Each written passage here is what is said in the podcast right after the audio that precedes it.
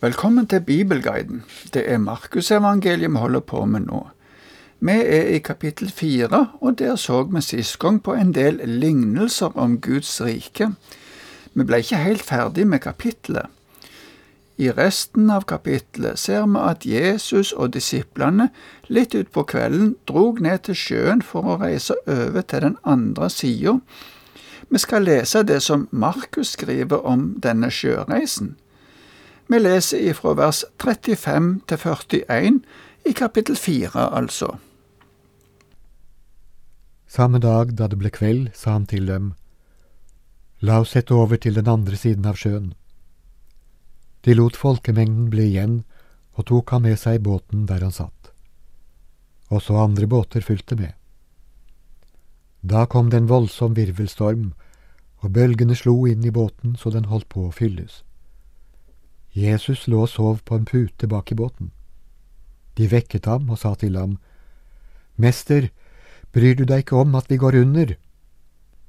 Da reiste han seg, truet vinden og sa til sjøen, Stille, vær rolig. Vinden la seg, og det ble blikk stille. Så sa han til dem, Hvorfor er dere så redde? Har dere ennå ingen tro? Og de ble grepet av stor frykt og sa til hverandre, Hvem er han? Både vind og sjø adlyder ham. Det å dra over Genesaretsjøen eller Galileasjøen virker i utgangspunktet ikke så vanskelig. Den er 12-13 km brei. Det som skjedde var heller ikke så uvanlig, og skjer fremdeles i vår tid, at plutselig så kommer kastevinder eller virvelstormer på sjøen. Beskrivelsen bærer preg av at den er fortalt av en som var øyenvitne til det som skjedde. Peter var nok i den samme båten. Matteus forteller om denne sjøreisa i kapittel åtte, og Lukas i kapittel åtte i sitt evangelium. De andre evangeliene har ikke like mange detaljer.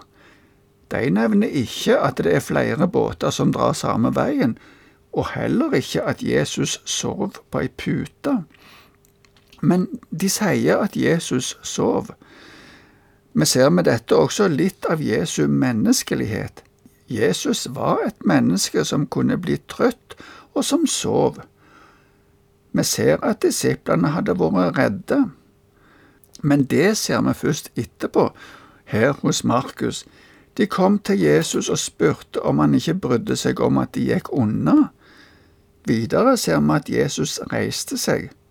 Så står det at han trua vinden og sjøen. Det viser hans guddommelige makt.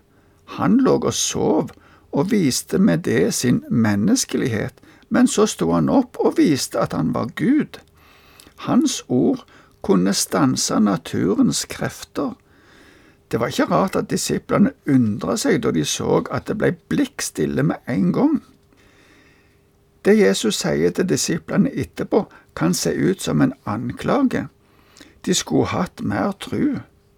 De burde ha forstått at Jesus hadde makt over naturkreftene, men det var nok vanskelig å ta det inn.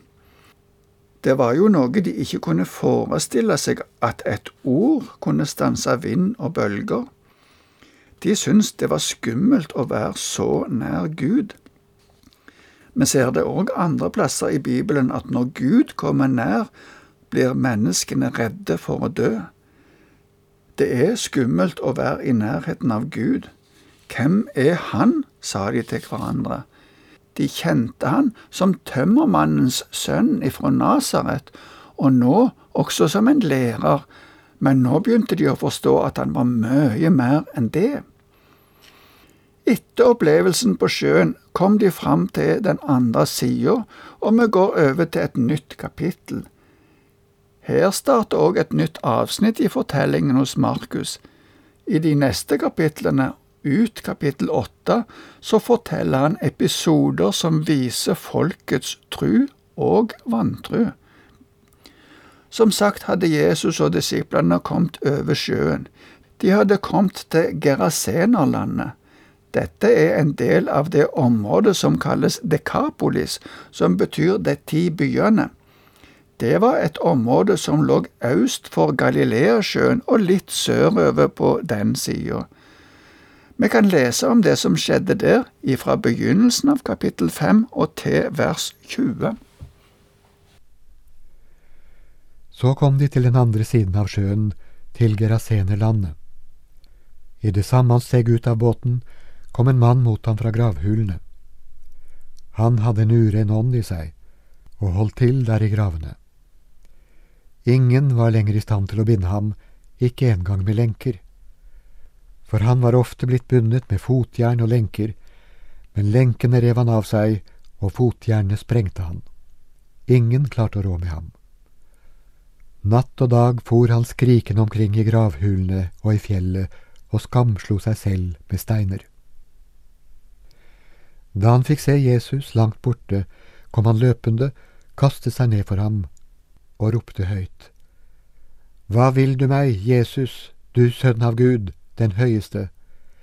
Jeg pålegger deg ved Gud, pin meg ikke. For Jesus hadde sagt til ham, Far ut av mannen, du urene ånd. Nå spurte Jesus ham, Hva er navnet ditt? Han svarte, Mitt navn er Legion, for vi er mange. Og han bønnfalt Jesus om at han ikke måtte sende dem ut av området. Det gikk en stor griseflokk og beitet der ved fjellet, og de urene åndene ba ham, Send oss bort til grisene, så vi kan fare inn i dem. Det ga han dem lov til. Da for de urene åndene ut av mannen og inn i grisene, og flokken, omkring 2000 dyr, satt utfor stupet og ned i sjøen, og der druknet de. Grisepasserne løp av sted og fortalte det i byen og ute på landet omkring, og folk dro av sted for å se hva som hadde hendt. Da de kom fram til Jesus, så de han som hadde hatt alle de onde åndene i seg, sitte påkledd og ved sans og samling. Da ble de grepet av frykt. De som hadde sett på, fortalte dem hvordan det var gått for seg med ham som hadde hatt de onde åndene, og med grisene. Og de bønnfalt Jesus om å dra bort fra området deres. Jesus gikk i båten, og han som hadde hatt de onde åndene, ba om å få være med ham. Men Jesus ga ham ikke lov til det. Han sa, Gå hjem til dine og fortell dem alt det Herren har gjort for deg, og hvordan Han har forbarmet seg over deg. Han gikk av sted og begynte å gjøre kjent i Dekapolis alt det Jesus hadde gjort for ham, og alle undret seg. Med en gang de kom i land på den andre sida av sjøen, kom det springende en mann mot Jesus. Det var en som var besatt av ei uren ånd. Jesus hadde tidligere vist at han hadde makt over de onde åndene, og han hadde drevet ut vonde ånder mange plasser før. Kanskje mannen hadde hørt om det og kom derfor springende med håp om å bli fri. I fortellingen er det litt mer springende, men jeg tror at Jesus først befalte ånda å fare ut av mannen. Så ba ånda om å få slippe å bli pint. Etter det spurte Jesus hva som var navnet til ånda, og fikk til svar at det var legion, og at det ikke bare var ei ånd, men mange som var kommet inn i denne mannen. Ånden foreslo å få komme over i en griseflokk. Det kan virke litt rart at Jesus ga den lov til det, for det førte jo til et stort tap for de som eide grisene. Selv om grisene ble regnet som ureine dyr i Israel, ser vi at de som eide de, ikke ville ha noe mer med Jesus å gjøre etter dette. Det er ikke sikkert at eierne av disse grisene var jøder. Det bodde mange edomitter i dette området. På den andre sida ser vi at Jesus hadde makt over åndene. Uten tvil var det en sterk opplevelse for mannen som hadde blitt befridd fra disse åndene. De som hadde passa på grisene, var skremt av det som skjedde. De sprang inn i byen og fortalte det som hadde skjedd, og også rundt omkring på landet i nærheten. Det er ikke sikkert de hadde forstått hele sammenhengen med mannen som var besatt, men de fikk se han da de kom til Jesus. Da var han helt normal, og han hadde kledd seg i vanlige klær.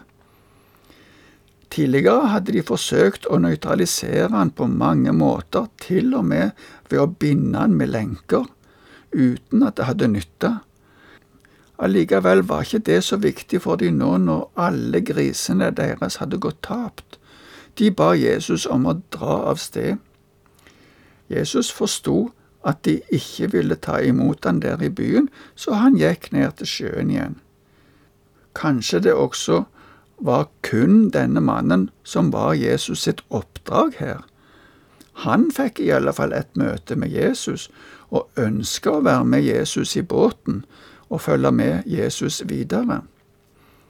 Det fikk han ikke lov til. I stedet ga Jesus han et oppdrag at han skulle gå hjem og fortelle til alle sine det han hadde opplevd, og hvem Jesus var. Det gjorde han og det ble et mektig vitnesbyrd for mange. Det står at alle undra seg. Men Jesus og disiplene drog tilbake over sjøen igjen. Tilbake på den andre sida venter nye oppgaver, men det må vi vente med til neste gang. Takk for i dag, og Herren være med deg.